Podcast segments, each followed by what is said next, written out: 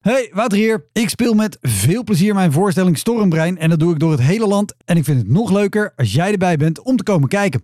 Donderdag 14 maart kan dat in Alfa aan de Rijn. Vrijdag 15 maart in Henrikido Ambacht. Zaterdag 16 maart in Drachten. Donderdag 21 maart in Meppel. En vrijdag 22 maart in Raalte. Hoi! Welkom, mijn naam is Wouter Monde en dit is de Elektra Podcast. Een podcast waarin ik met collega's herinneringen ophaal aan shows die ze liever waren vergeten. Genoemd naar het roemruchte jongerencentrum Elektra in Sliedrecht, dat ooit bekend stond als de comedy hell.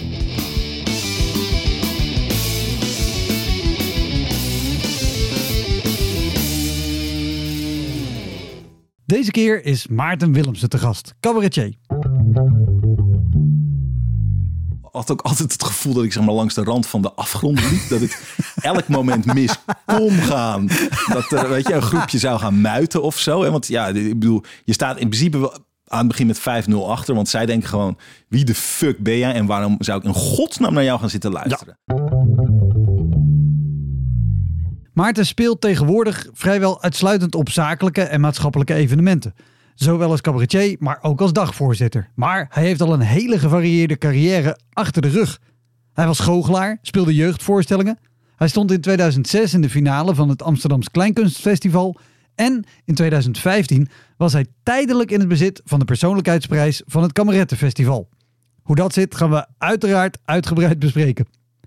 Dit is een te gekke aflevering en hij is wat langer dan normaal. En dan is er ook nog eens een bonusaflevering met nog meer verhalen. Die bonusaflevering is alleen voor de crewmembers. Wil je ook crewmember worden, zodat je de gewone afleveringen kan luisteren zonder onderbreking en toegang hebt tot al het bonusmateriaal? Kijk dan even op elektrapodcast.nl. Heel veel plezier. Dit is de Elektra Podcast met Maarten Willemsen.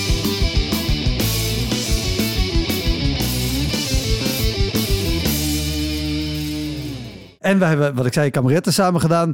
Waarbij jij uh, tijdelijk de winnaar was van de persoonlijkheidsprijs. Ja.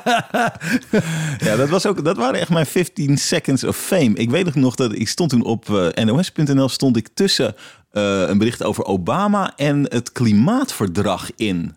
Dat was opeens, dat was overal in, in, in, de, in de Telegraaf stond ik ook. Giel Belen belde mij opeens op.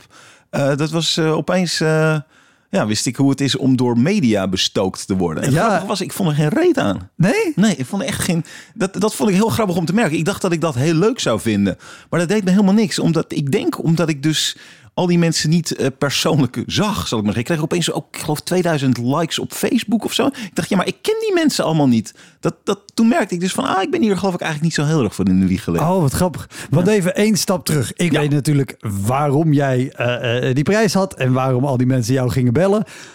Hoe kwam jij aan deze prijs, Maarten? Ja, ik, uh, nou, ik deed dus zoals, net zoals jij mee aan uh, kameretten. En uh, ja, misschien ook wel grappig. Um, achteraf was dat, dat was voor mij eigenlijk een beetje een teleurstellende ervaring in zijn geheel. Ik heb namelijk in 2006 heb ik al een keer meegedaan aan een festival, het Amsterdamse Kleinkunstfestival. En toen uh, had ik net een stukje gemaakt uh, in een, uh, een kleinkunstcursus. Gewoon mijn eerste stukje, zal ik maar zeggen. Ja. Uh, toen dacht ik een week nadat we dat voor die cursus hadden gepresenteerd voor vrienden en familie. En dat was een groot succes. En ik was helemaal enthousiast. Ja, want die avonden zijn altijd een groot succes. Ja, die zijn, die zijn ook zo leuk. Dat zijn ook mijn warmste herinneringen aan optredens. En uh, toen uh, dacht ik, ik ga het in, op een open podium doen. de open bak. En die was toen nog elke dinsdag uitverkocht. Hè. Er stonden rijen. Uh, dus nou, ik in die open bak. En ik deed iets met een cajon en een oedoe. Dat is zo'n kruik waar je op kan drummen. En die, die technicus had dat fantastisch uitversterkt. Dus ik dacht, wauw, dit is echt de hemel. Een echt theater. Allemaal lachende, klappende mensen. En toen werd ik de volgende dag gebeld. Uh, door iemand van het Amsterdamse Kleinkunstfestival. Hey joh, wij zijn een, een cabaretfestival. Dat wist ik ook niet. Uh, en uh, wij zijn inmiddels van 80 naar volgens mij acht of negen mensen gegaan. Maar we willen jou een soort wildcard geven. Oh. Ja. Wat Dus- goed. Dus, ik dacht, nou, eh, eh, oh, wat leuk. Eh, dus nou, en dan mocht ik dan op Tessel in de kwartfinales komen. Nou, Ja. ik dacht, dit is een avontuur, dit moet ik doen. Dus ik naar Tessel kwartfinales, ik door naar de halve finales. En daar krijg je altijd bij de halve finales een tour eh, al, om, Ja. om je materiaal Ja, aan te een scherpen. try-out eh, tour Iets van inderdaad. ja, Ja. 35 optredens of zo. En dat was onwijs leuk. Ik had het met die mensen overleggen wat er nou beter kon. En nou, de halve finales in de kleine komedie. En die halve finale eh, was ik echt in topvorm. Want daar zaten namelijk gewoon iets van 50 vrienden, bekende kennissen, familie. Zaten in de zaal. En het was leuk, jongen. Ik heb genoten. En ehm, toen eh, kwam de... eh, oh ja, toen kwam de juryvoorzitter. Ik ben even vergeten. Heilko Span of zoiets? Is, Ja, presentator van Volgspot. Oh ja, ja, precies. Ja, die kwam toen. En die had een soort Idols toon. Toen was Idols net. En die ging echt iedereen genadeloos fileren. Ten overstaan van de hele kleine comedie. Van nou, dit was niet goed en dat was niet goed. Dat was echt heel scherp. Heel sarcastisch. En ik stond op het punt. Ik, ik was namelijk als laatste aan de beurt. Ik dacht nou, zometeen ben ik natuurlijk ook de lul. En ik zag dat hij langs mij moest lopen als hij weer het podium af moest. En ik dacht, ik ga jouw pootje tackelen. Fuck jou, gast. Ja, nee, ik was echt woest. Ik vond het zo naar wat hij deed. Wat, wat weet je nog dingen die die zei over jou of over anderen misschien? Ja, ik, ik, op mij kwam het toen over. En ik bedoel, ik was natuurlijk hartstikke kwetsbaar. En weet ik wat. Dus ik, ik, misschien zou ik nu denken, oh, dat viel me mee. Maar ik vond het toen, ja, de toon. Het, het Ja. deed mij denken aan de toon van Idols. Hè, waarin ze toch wel vrij hard hakken. Ook hakken om het hakken. eh, weet je, Ja. zoals eh, recensenten dat ook een beetje kunnen doen. Hè. Die, die willen natuurlijk ook een bepaald effect sorteren. Ik vond het zo overkomen. Nou, Ja. Dus ik stond kwa- klaar om, um, om een heel kapootje te tackelen. en toen kwam hij bij mij. En toen was het niets dan lof. Helemaal niets dan lof. Dus ik stond er ook een beetje verbouwereerd van... Weet je, ik vond nog steeds kut wat hij bij die ander had gedaan. Maar ik dacht, oh ja, maar nou, hè? Nou, en toen... Als het zo is. Ja, ja toen, ik denk, ja, dan, dan, dus ik, ik stond er een beetje verbouwereerd bij. Nou, vervolgens eh, ging ik dus door naar de finale ook. Want het, het was hartstikke goed gegaan. Dus ik zat bij die laatste drie. En eh, bij die finale kom ik op. En het was net alsof ik een ijskast inliep. Ik schrok me de tyfus. En was, dit- was dit weer in de kleine comedie? Ja, was weer in de kleine Ja. Ja, en ik had me dus een week lang verheugd op weer zo'n... Ja. weer. Ik, ik dacht, dit, dit, dit, dit, hè, ik, ik, ga, ik mag weer terug naar de hemel. Maar het was dus alsof ik... En ik, ik, ik, ik denk, wat is er aan de hand? En in een split second eh, bedacht ik, oké... het is hetzelfde als vorige week, want dat was de halve... dit is de hele finale, maar ja, wat zou dat uit moeten maken? Eh, dus dit ligt aan mij. Ik straal blijkbaar iets uit, waardoor de zaal opeens koud, kil aanvoelt en, en niet goed reageert. Dus ik heb daar echt met een soort angst en paniek in mijn lijf die voorstelling afgemaakt. Toen op een gegeven moment kreeg ik ook nog pech met mijn eh, microfoon die het niet deed. Echt alles ging mis. Nou, het komische was dat de volgende dag in de Telegraaf stond... blakend van het zelfvertrouwen en met vlotte babbels stond hij op het podium. Dat is iets wat ik later in mijn carrière wel heb gemerkt. Ik kan eh, dan toch nog er iets van maken, blijkbaar. Maar ik voelde me vreselijk. En dat moet ik Helke ook wel nageven toen. Eh, dat merkte die ook op in, in het jurycommentaar toen. En dat was ook echt volkomen terecht. Daar kon ik me ook helemaal in vinden. Maar wat was er nou aan de hand? Wat niemand mij had verteld, was dat in de finale de zaal ook vol zit met mensen, eh schouwburgdirecteuren en mensen van de pers. En het was een heel ander publiek. Ja, er waren is- ook nog tien mensen voor mij, maar die finale was al maanden van tevoren uitverkocht, blijkbaar met vakmensen of zo. En dat wist ik dus echt niet. Dus ik, ik voelde het eigenlijk heel goed aan. Maar ik kon dat helemaal niet plaatsen, waardoor ik dichtklapte. Ik denk, kut, wat, wat, wat straal ik? Wat is er mis? Ja, Ja, dus die, toen heb ik gewoon echt kut gespeeld. En, maar ja, maar het is onwijs een mindfuck ook dat je, zeker als het een, een plek is waar je de week eerder ook nog hebt gestaan en alles goed ging en leuk was. Ja. En nu als jij het zo zegt met allemaal programmeurs en pers en weet ik wat, denk ik ja, natuurlijk gaat het daar niet leuk spelen. Of het is niet Nee. leuk, maar minder dan ja, nee, dus ze zaten echt, weet je, met hun met armen over elkaar. Zo van, of nou, neutraal eh, publiek. het zal mij benieuwen. Wat, wat, weet je, dat is- Ja. en dat snap ik ook als je er al voor de vijftiende keer zit. Ja. Ja, en die zien ook nog eens gewoon heel veel. Dus die zijn ook minder snel onder de indruk. Ja, nee, dat, dat, dat heb ik inmiddels ook. Oh, en, en, en, en hoe kwam je die show dan eh, van het podium af? Want dit is wat er. Weet je, Oh, je zei ik voelde het toen ik opliep. Ja, af- afgrijzelijk. Ik voelde me echt afgrijzelijk. Ik, ik, vond, het, eh, ik vond het echt niet leuk. Nee, nee, nee. Ik, ik, ja, ik heb er toen geen conclusies aan verbonden. Want ik moet wel zeggen dat die halve finale zo leuk was... dat, ik, dat er toen iets is gaan ehm, vlammen dat ik dacht... ik wil dit voor mijn beroep doen. Dus dat wel. Maar die, die, die, die finale was afgrijzelijk. En ja, wat ik toen ook wel me realiseerde was van... ehm, ik zou nog niet het theater in willen met een avondvullend programma. Want van los van dat ik dat helemaal niet had... realiseerde ik me wel, ja, dit soort ups en downs ga je natuurlijk meemaken dan. En dat, dat leek me helemaal niks. Dus toen... eh, ja, toen ben ik ook eh, wel grappig. Dan komen we meteen op de volgende stap in mijn carrière. Want toen dacht ik van ja, ik heb geen zin om een of ander shitbaantje te nemen. Ik wil wel gewoon mijn geld verdienen met cabaret meteen. Want ik, ik was al goochelaar. Dat was waar ik mijn geld mee Oh, verdiende. echt ja, waar, joh? Ja, ik was goochelaar. Ja, ja, ook heel erg leuk. Dat, tenminste een tijd lang. Nou, ik had het ook wel een beetje gezien tegen die tijd. Eh, Ik had vier, vijf jaar gedaan. Ja, ja. Je, je bent echt gewoon professioneel goochelaar. Ja, ja. En, en wat, wat voor... Want eh, ik, ik heb sinds kort een beetje inzicht in de goochelwereld. Omdat er Oh. eh, twee jongens... eh, Tim Horsting en... Oh, eh, Bedoel je die, die Duitse jongens? Nee, nee, nee, Oh. nee, nee, nee. Het zijn Nederlandse goochelaars. En oh, sorry, nou kan ik niet op de naam van de eh, ander komen. Maar die maken samen een podcast Dood Konijn. Oh, nee. Eigenlijk Elektra voor goochelaars. Het is heel leuk. Luister het. Oh, ja, dat zal leuk zijn. Ja. En, en zij zijn ook een keer bij mij te gast geweest voor, voor een bonusaflevering. Maar wat hij vertelde, holy shit, als goochelaar maak je ook dingen mee Ja, met, met tafelgoochelen en Ja. dronken ooms die gewoon, hij zit in je mouw, hij zit in je mouw, ik kan het Ja. zien, hij zit in je mouw. Nou, of die bier giet over je pakkaarten. Oh, Ik man, heb- maar dan heb je al best een basis aan weten wat je voor je kiezen kan krijgen op een podium. Ja, ja, ja, ja. alleen de, de setting is inderdaad zo anders. Waar het op een, een, een podium eh, heb je toch een soort van ultieme aandacht en, en een mooi licht en mooi geluid. En dat was bij goocheloptredens nooit. Eh, dus dat was ook, daar moest ik gewoon ontzettend aan wennen. Dat, dat gewoon iedereen zijn mond hield en, en oplette, zal ik maar zeggen. Eh, want dat, dat bij, bij goochelen, de, de markt waar je geld in kunt verdienen, dat, dat heet dan close-up goochelen. Ja. En dat is dat je dus langs groepjes mensen gaat die of zitten te eten. En ze zijn altijd ook wat anders aan het doen. Of ze staan met elkaar te praten. Of ze zijn aan het dansen. Nou, dansen is het allerergste wat je kunt hebben. Want dan hebben ze ook helemaal geen zin in, weet je. Dat, dan moet je die optredens moet je ook gewoon niet aannemen. Maar om een voorbeeld te geven. Ik, ik nog wel een grappige, eh, ja, toch wel binnen Elektra passende goochel-anekdote. Wie bedenkt er dat als er Ja. een gelegenheid is waar gedanst wordt, dat je dan denkt, oké, dan sturen we er een met dansen. tussendoor. Kie- hier, kies een kaart. Ja, nee, dat werkt niet. Nee. Nou ja, oké. Ja. Nou, ik- met goochelen, een van de meest bizarre optredens die ik toen heb gedaan, was eh, eh, de Prins Hendrik of de Prins, de Prins nog wat. Dat is een of andere boot. Die ligt volgens mij nog steeds achter het Centraal Station. Twee verdiepingen. Een hele mooie oude boot. En die kun je dan afvuren voor feesten. Ja. Of dat soort dingen. Nou, ik zou daar optreden eh, en ik kom binnenlopen. En er passen denk ik 400, 500 man op die boot. Maar er stonden er misschien 40. Het was echt heel erg leeg. Oeh. Ja.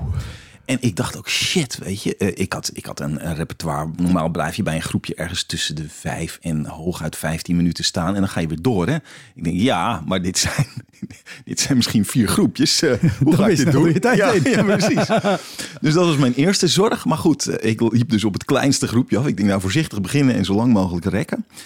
Maar na twee trucs zegt opeens een van die gasten, een hele grote brede gast, weet je nog, leuk man. En die pakt eh, een, een, een briefje uit zijn zak, ook niet uit zijn portemonnee, hij staat gewoon zo los, een een briefje van 50 en die geeft dat aan me. En ik denk, hè? En ik realiseer me, hij kijkt me aan, zo van, eh, hier, voor jou. Ik denk, oké, dus ik pak dat aan en ik realiseer me, oh, dat is, dat is een fooi. Dus ik zeg, nou, eh, ja, geweldig, dankjewel.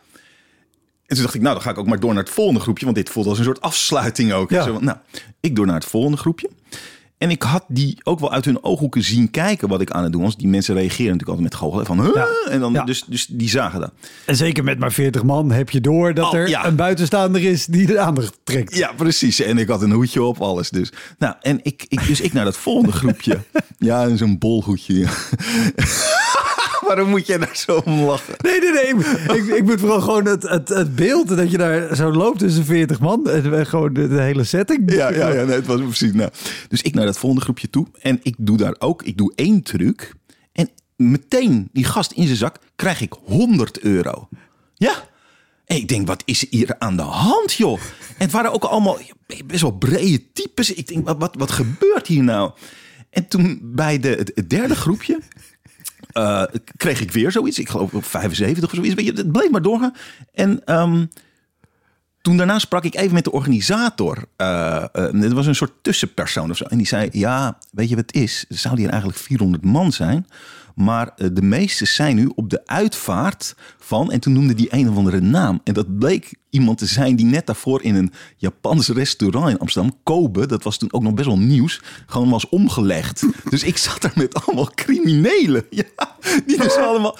En die criminelen gaan altijd tegen elkaar opbieden. Ja, Als de ja. ene fooi geeft, gaat de ander eroverheen. Want dan laat je zien dat jij succesvoller bent. En dus, ja, dus dat was een heel bizar optreden. Ja. Ik, geloof dat ik, toen, ik, ik geloof dat ik toen 400 euro verdiende met het optreden. En dat ik met 600 euro fooi naar huis ging. Ja, dat is voor rest nooit meer gebeurd. Ja. Oh, wat ik vind het sowieso een heel leuk gegeven dat je moest optreden voor mensen die allemaal in staat waren om juist de goochelaar te laten verdwijnen.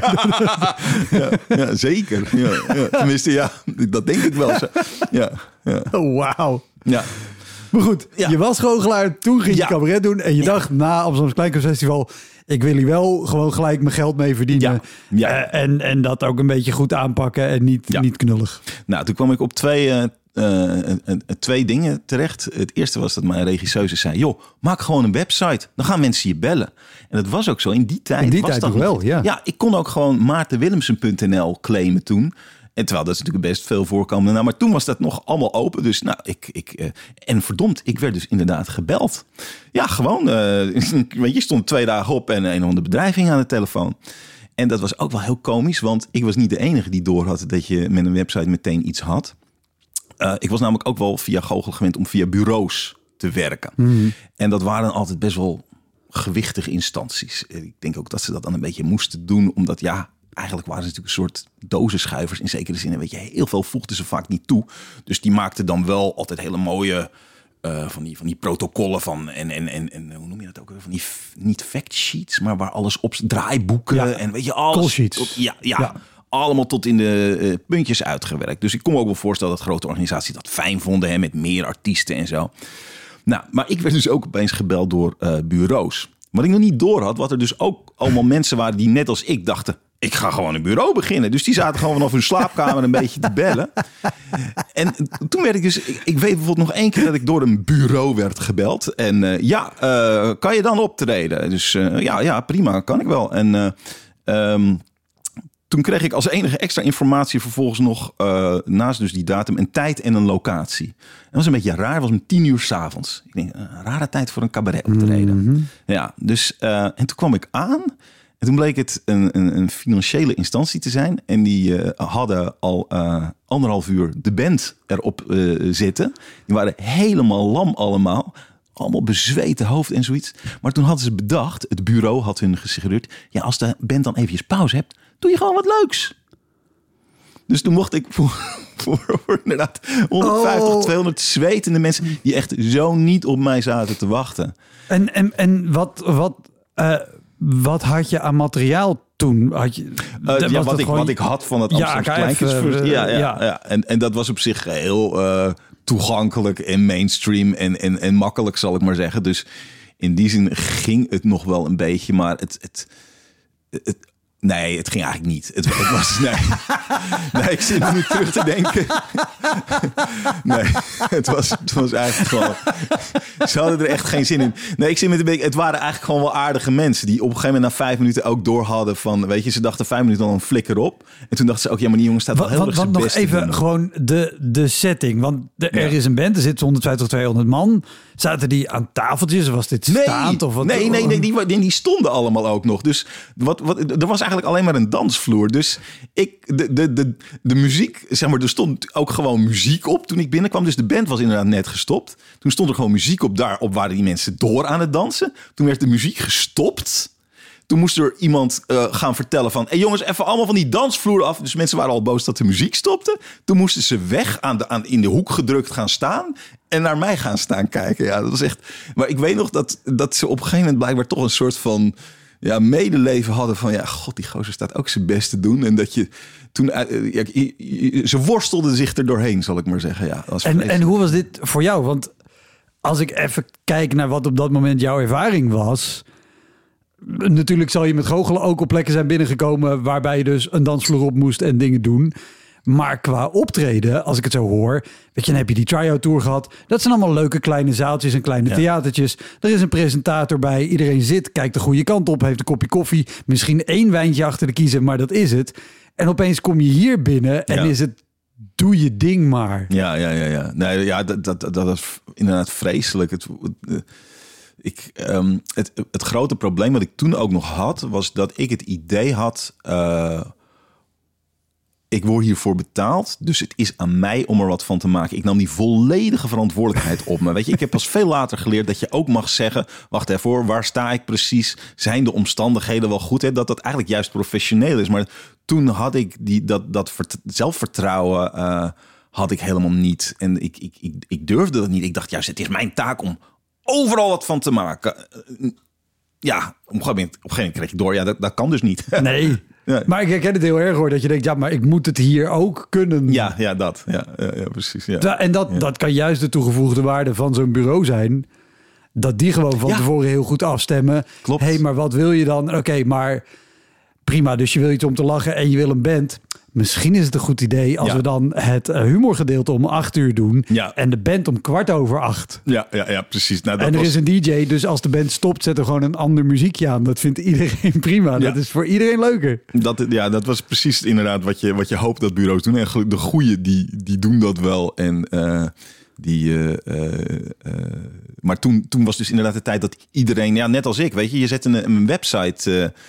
eh, op het World Wide Web. En dan, dan, dan werd je gebeld. Je dat was ook voor de bankencrisis. Ja, ja, dan ging je echt. Ja, het was, en dat, dat- was ook een heel groot verschil. Voor die bankencrisis kon ook alles. Ik heb toen ook nog bijvoorbeeld na het AKF...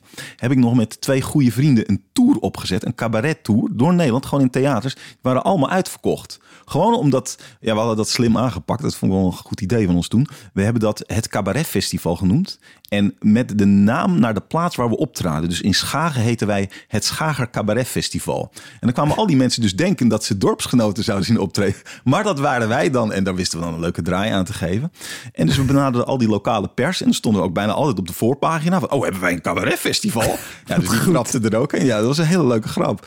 En... ehm, maar toen was het echt nog de tijd dat als er inderdaad ergens cabaret mee stond, dan was gewoon het Dat was theater uitverkocht, uitverkocht. ja. Ja. dat was echt, on- dat kan je nu niet meer voorstellen, maar dat was toen zo. Ja, dus ehm, En, en Ja. even, want je had het besluit genomen, ik wil hier geld mee verdienen. Dan is Ja. dit een van je eerste ervaringen. ja.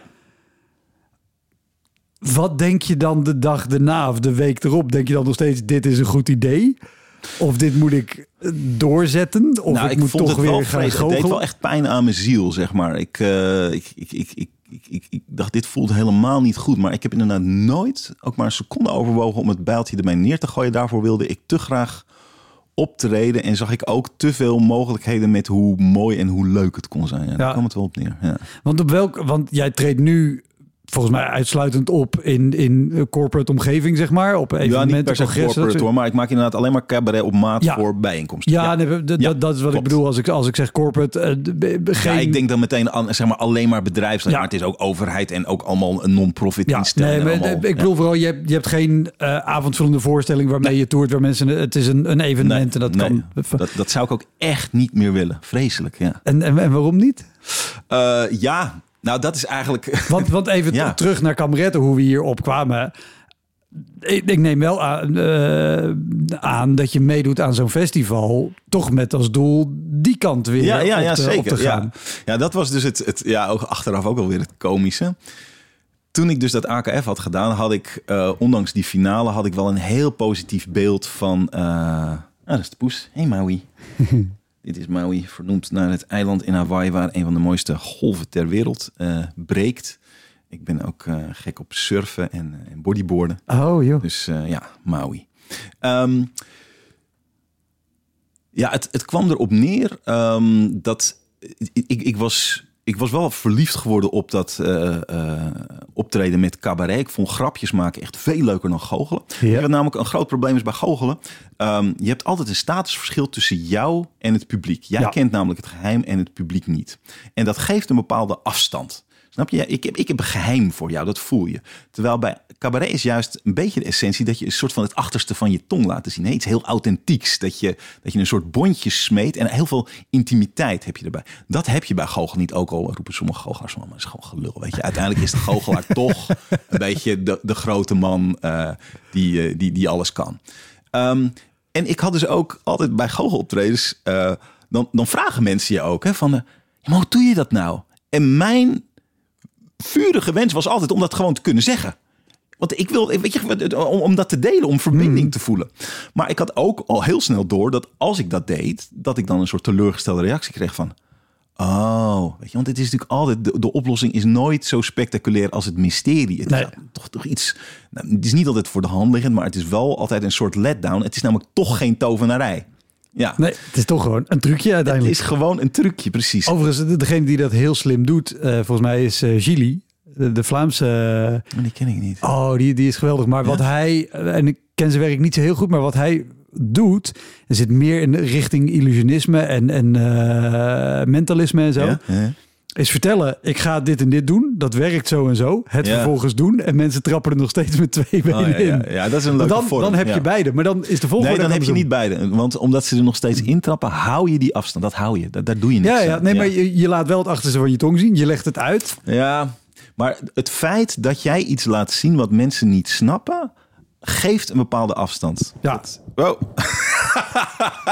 kan dit? Is dit een- Ja hoor, dat, Ja? dat, dat, dat Ja. kan. Ik vind het ook heel leuk hoe ze eh, elke keer heel graag voor jouw camera wil gaan zitten. En, Ja, het is een hij. Maar eh, Hij. ja, hij eh, heeft ook uh, artiestengenen waarschijnlijk. Ja. Heel goed. Maar goed, we kwamen hierop. Statusverschil heb je als goochelaar wel en als artiest niet. Nee. Ja. Eh, Ja, ze dus- kwamen op AKF en wel of niet publiek Nou, ja, waarom, ja, ja, je vraag was ook eh, hoe, hoe ben ik zeg maar, van mijn theaterwens afgeraakt, zou ik maar zeggen. Eh, ja, als je het Ja. zo wil formuleren. ja. Ja, nou, en ehm, eh, ik, ik kwam dus terecht in de, de, wereld van inderdaad eh, cabaret op maat maken. En ook schooloptredens, moeten we het straks ook nog over gaan hebben. Daar Oh, zit een hele hoop elektra momentjes Dit wordt een dubbele aflevering, merk ik. Ja, ik heb echt nog... Ja, Tafelgoochelen, evenementen en schoolvoorstellingen. Nou, ja, ik pak de nieuwe geheugenkaarten erbij. ja dat, is, dat, is, dat, dat klopt wel, ja. Ehm, maar goed, dat heb ik dus een, eh, eh, een aantal jaren gedaan. En ik dacht, dan ga ik ondertussen aan mijn avondvullende voorstelling werken. En ehm, wat ik toen eh, merkte was dat de, de, de, cabaretiers die ik het meest bewonder... dus bijvoorbeeld eh, inderdaad, Theo Maassen en, en Hans Theo destijds ook. En Wim Helsen vond ik ook geweldig. En, en nou, zo nog wat. Ehm, daarvan had ik altijd de indruk, die laten een heel duister, maar heel authentiek hoekje van hun ziel zien. Dus ik denk, nou, dat, dat moet ik ook gaan doen. Dat is Ja. mooi. Ehm, alleen het eh, meest duistere, authentieke hoekje eh, van mijn ziel, dat zit vooral in mijn jeugd. Ik heb een hele nare jeugd gehad. Ik had een hele nare eh, moeder. Die had een zware narcistische trekken en, en borderline. Dus ik heb eigenlijk inmiddels zoveel jaren verder... eh, hebben ze op een gegeven moment bij mij zelfs complexe PTSS vastgesteld. Oh, jezus. Ja, echt serious shit. Ja, en gelukkig, weet je, ik heb nou een fantastische therapeut gehad en ik ben daar eh, ja, voor het grootste gedeelte vanaf. Dat kan dus voor de mensen die dat hebben. Het kan. Dat is echt waar. Dat is echt, eh, dat, Ja. ja. die therapie, ga- ik ga het ook gewoon even noemen, dat heet ISTDP. Intensive Short Term Dynamic Psychotherapy. Dat is de shizzle. De rest allemaal niet doen. Echt waar. Ik heb, ik heb alles geprobeerd. Eh, weet je, ik had altijd last van nachtmerries, weet ik wat. Dus de- de- niet doen en dit. ISTDP. Ja, knap onthouden. Dat lukt de meeste mensen. Ja, de af- de- waar het voor staat weet ik niet meer. Maar eh, Ja, ja is- ISTDP. Ja. ISTDP, dus als jij ook nare herinneringen hebt aan Maartens moeder. En wat ik me levendig kan voorstellen. Al was het maar één ontmoeting of een blik. Ja. Dus, eh, god, hoe kwamen we daar? Dan- Dan ben ik ook even de draad kwijt. Eh, je zei, Maas, Theo laten een klein Oh ja, ja. eh, duister hoekje van de ziel zien. Het enige wat jij hebt was uit je jeugd, hele nare jeugd gehad. Precies, ja. Maar ik dacht toen, nou, dan, dan is dat het onderwerp om het over te gaan hebben. Lekker luchtig onderwerp voor podium. nou ja, precies, weet je, maar goed. Dus, dus ik had één of twee stukjes over mijn moeder gemaakt. En eh, dat, hoe, hoe ik een toespraak hield op haar eh, uitvaart. Dat, dat, deed ik toen, dat deed ik toen ook op eh kameretten. en ik kreeg dat gewoon eigenlijk niet voor het voetlicht. Weet je, dat was too, too far, too much. Daar, daar, ik kon mensen daar niet in meenemen. Zal ik maar Nee, het, het- lastig onderwerp om toegankelijk te Ja. maken zonder dat Ja. het naar wordt. Nou, denk weet ik. je, en daar, ja, ja, en daar kwam het op neer. Ik, ik, ik denk niet dat het super naar werd, maar, maar het was gewoon te ver. Weet je, mensen konden, niet, konden Nee. daar niet in mee. Ehm, en ik had een toch een soort ja, hunkering naar, eh, ja, ik zou bijna zeggen erkenning. Zo van, ja, maar dit is mijn donkere stukje. Weet je, Ja, ja. Dat, dat, dat, Heel begrijpelijk. ja, dat, dat- en dat, dat ging gewoon niet helemaal eh, lekker. Eh, en toen, maar goed, ik deed daar dus mee, mee aan kameretten. En eh, we, we deden dat toertje toen, omdat we in de halve finale zaten. En ik merkte, ik vond er geen reet aan. Ik stond daar in die zaaltjes. Ik dacht, godsamme, zo, zo, zoveel als ik heb genoten tijdens het AKF. Ik vond het helemaal niet leuk. En toen in die halve finale was het helemaal komisch. Eh, wij traden op dezelfde avond op, volgens Ja, mij. ja, Ik, ik weet dat jij voor mij was.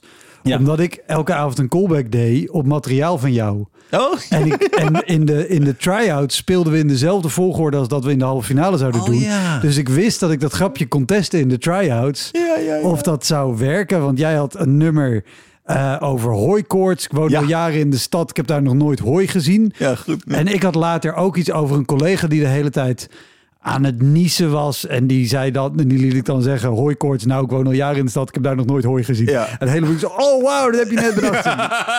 nee, dat heb ik al acht keer getest.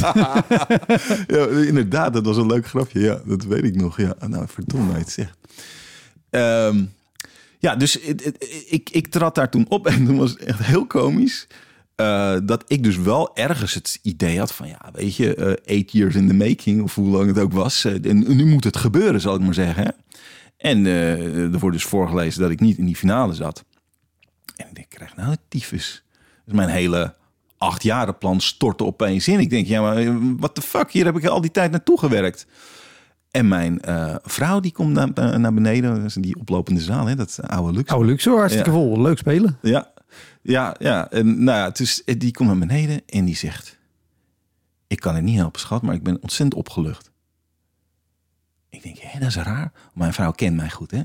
Dus ik denk, ik zie iets nog niet wat zij al wel ziet. Want Ja. dat, en ik merk dat op een gegeven moment zich voor mij ook een soort opluchting meester maakte. Nou, ik heb er heel lang over gedaan. Ik denk wel een half jaar voordat ik doorhad wat er nou aan de hand was. En dat kwam, die, die, die, dat inzicht kwam pas toen ik me ging afvragen van... ja, maar wat vond ik nou zo leuk aan in theaters optreden... dat ik daar acht jaar lang achteraan ben gegaan. En toen realiseerde ik me... al mijn gouden herinneringen aan theateroptredens... zijn met groepen mensen eh, die ik ken. Dat er veel vrienden of veel familie in de zaal zaten. En wat voor mij essentieel blijkt te zijn... is dat ik optreed voor op zijn minst één iemand met wie ik echt een relatie heb. Dus die ik ook niet vagelijk ken, maar met wie ik echt een relatie heb. En dat is ook waarom ik dat eh, optreden voor bij, eh, bijeenkomsten op maat, hè, want daar gaat het dan wel om, eh, leuk vind. Ik heb altijd van tevoren een uitgebreide meeting. Dan gaan we echt heel diep erop in. wat is de cultuur van zo'n organisatie? Dus wat voor soort, wat, wat, wat, wat wordt je tone of voice? Dan vervolgens, die mensen zitten echt met een probleem. Die hebben een of andere bijeenkomst waarvan ze denken, oh shit, iedereen gaat hier straks helemaal moe en afgepeigerd naar huis. En ik nou, volgend jaar laat ik dit even zitten, zeg maar. Dus ik ben degene die ze met een lach naar huis moet gaan Ja. gaan, zodat ze volgend jaar ook weer, oh, dat was wel leuk. Zeg. Dat, dat moet die herinnering worden. Ehm, dus ik kan die mensen echt helpen. En ik heb een soort band met die mensen. En na afloop kan ik met die mensen high five. Zo, nou, gelukt hè. En dat, dat, daar zit voor mij het plezier in. Als ik voor een zaal... Ik vind het zo. Ik heb dit Ja? meer collega's natuurlijk gesproken en zelf ook dingen op maat gedaan voor bedrijven en zo. Ja. En het is voor het eerst dat ik iemand eh, eh, het zo hoor benaderen. Ja, dat snap ik. Heel grappig. En Ja. verklaart denk ik ook waarom jij heel goed bent in dat soort dingen Ja, doen. ja. En ik bijvoorbeeld denk, "Hmm, is niet mijn ding. Nee. Ik vind de factuur heel leuk, maar de rest niet. Nee, ja, nou, en, en dat, dat snap ik dus inderdaad ook al goed. Want je hebt dus niet de totale vrijheid. Eh, weet je, het moet echt gaan. Ik bedoel, het meest extreem wat ik een keer heb gehad. Dat weet ik echt nog zo goed. 2011, 12 of zoiets. T-Mobile. Kun je morgen komen optreden? Ja, ja eh, op maat, eh 20 minuten. Ik zeg, ja, waar moet het over gaan? nou, we verhogen onze databundel. En meer tijd had die man niet om met mij te praten. Het was van, ik geloof, 112 naar 224 MB. 20 minuten. ja.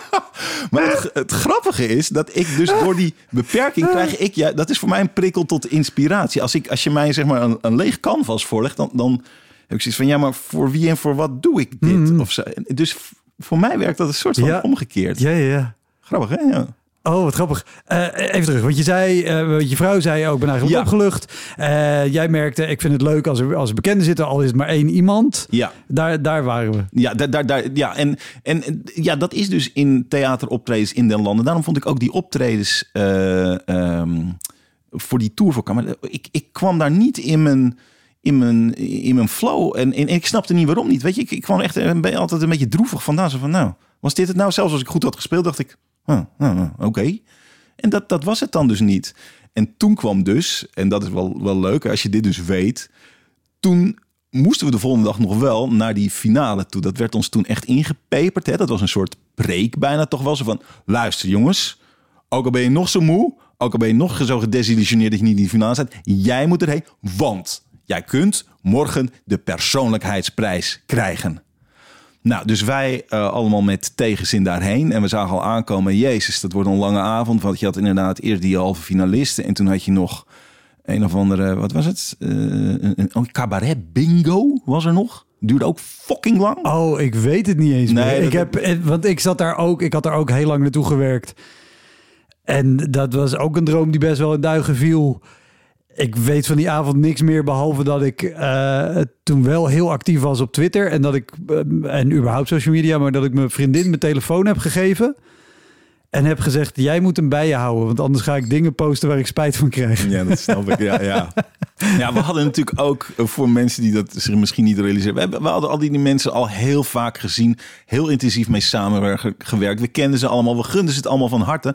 Maar om nog een keer hun hele voorstelling te zien. En dan ook nog terwijl jij daar eigenlijk ook heel graag had willen Ja, staan. je En gunt dan- het ze van harte, maar je gunt het jezelf net iets meer. Ja, ja, precies. En dan ook nog een uur cabaret, bingo daarna. En daarna nog een uur Guido Weijers. Oh, ik- Guido, oh, ja, Guido kwam er ook op treden, ja. En, en, eh, Ik weet je- echt niks Het zal best een aardig gozer zijn, maar weet je, het was mijn smaak echt Nee. niet. Ehm, en toen kwam die voorzitter. eh, en toen, toen werden we de- dus van de naar, naar jury, ja, ja. van de jury. Ja, van die jury. En, en toen we, we, we, we werden dus inderdaad naar de coulissen gehaald. Dus wij stonden allemaal in die coulissen. Nou, word je toch nog een beetje zenuwachtig. Denk je, nou, nou wie weet, hè? Wie weet. En misschien heb je toch nog iets voor op de flyer en je tour. Precies, precies hè? Al die, je, je, je bent zo eh clutching, clutching for straws. Hè? Je bent inderdaad echt helemaal... En die vent eh, in een van de eerste drie zinnen zegt hij echt heel terloops ook. Niet met nadruk, maar zo van... eh, even kijken, nou... eh, persoonlijkheidsprijs hebben we trouwens niet... gaan we niet uitreiken. We gaan door met... En ik dacht, what the fuck? Vooral het totale dédain. Ik denk, ja, kom mee.